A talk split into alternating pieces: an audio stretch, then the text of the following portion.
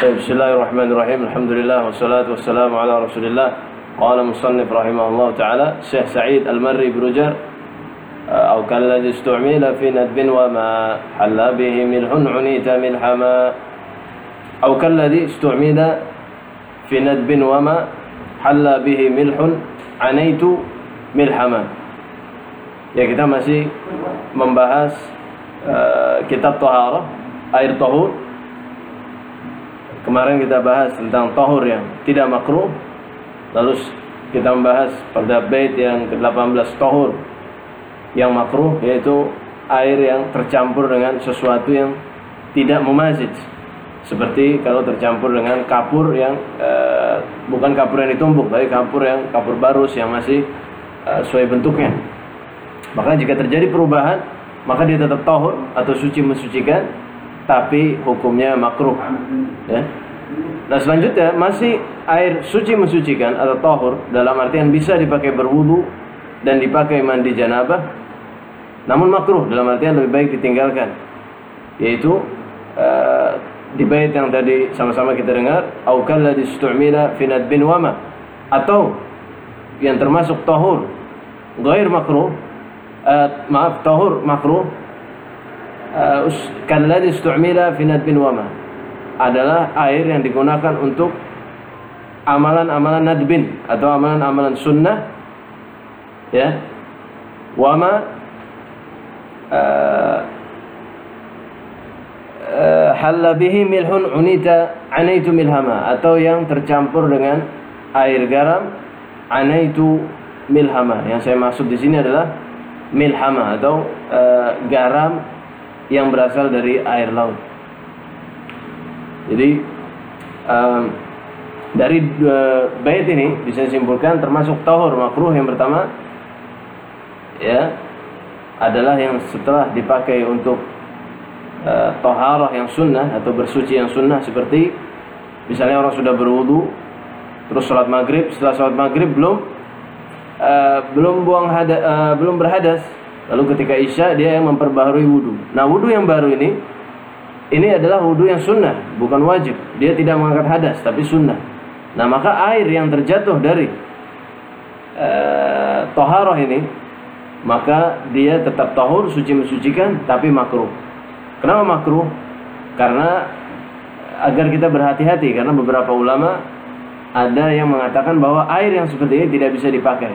Tapi yang tepat dia bisa dipakai hanya saja uh, dimakruhkan agar kita memakai lebih baik meninggalkannya dan memakai air yang disepakati oleh seluruh ulama bahwa itu suci mensucikan. Misal yang lain adalah mandi ketika sholat Jumat, hukumnya sunnah. Maka air yang jatuh, air yang menetes dari badan, itu apa hukumnya? Tahur, suci mensucikan, tapi makruh. Kenapa? Karena dia sudah dipakai ya e, karena dia sudah dipakai untuk ibadah sunnah untuk bersuci yang sunnah ya tapi air yang menetes bukan yang dibak. Ya nanti lebih panjang kita beberkan di ketika menjelaskan air mustamal. Ya tapi air yang seperti ini disebut juga air mustamal. Tapi air mustamal karena ibadah yang sunnah. Maka ini tetap tohur kalau ibadah yang wajib nanti ada hukum tersendiri. Yang selanjutnya adalah air yang tercampur garam. Garam. Ya uh, halla bihi milhun anaitu milhama ya kan? Di bait yang setengahnya tadi. Atau yang halla bihi yang masuk milhun garam ya mil, garam milhun itu garam. Anaitu yang saya maksud dengan garam di sini milhama. Adalah milha atau garam ma atau air. Jadi kalau misalnya garam yang dia berasal dari air ya apa dari apa dari air laut terus dikeringkan sehingga menjadi garam terus dicampur dengan air air sumur atau air apa saja maka hukumnya tetap suci mensucikan. Tapi makruh. Ya. Kalau selama garamnya memang berasal dari air laut tapi kalau garam yang dari gunung karena ada beberapa garam bukan dari air laut. Dari gunung atau dari air laut tapi sudah dicampur bahan-bahan kimia dan sebagainya maka tentu ini kalau dicampur ke air, maka airnya berubah menjadi tahir atau suci namun tidak mensucikan. Tapi kapan dia masih suci mensucikan? Kalau dia garamnya apa? E, berasal dari air laut dan tidak ada campuran kimia. Baik. Tapi meskipun demikian hukumnya makruh. Maka kita simpulkan dari bait ini dan bait sebelumnya yaitu bait 18, maka dari bait 18 dan 19 ini kita simpulkan bahwa air tohur yang makruh ada tiga. Yang pertama yang tercampur dengan sesuatu yang ghairu mumazid atau dengan sesuatu yang tidak mencampur seluruh elemen air. Dalam artian masih bisa dibedakan mana yang air dan mana yang bukan. Hanya saja terjadi perubahan.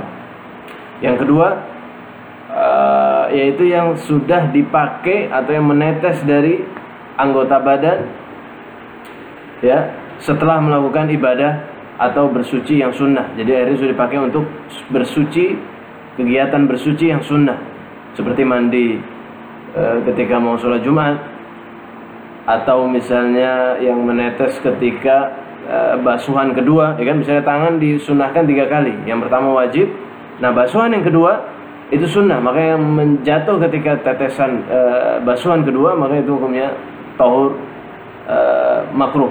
Dan yang ketiga tadi yang tercampur dengan garam yang asalnya adalah dari air laut. Tapi ini saja. Eh, semoga apa yang disampaikan bermanfaat. Wassalamualaikum warahmatullahi wabarakatuh. Muhammad. Lumayan.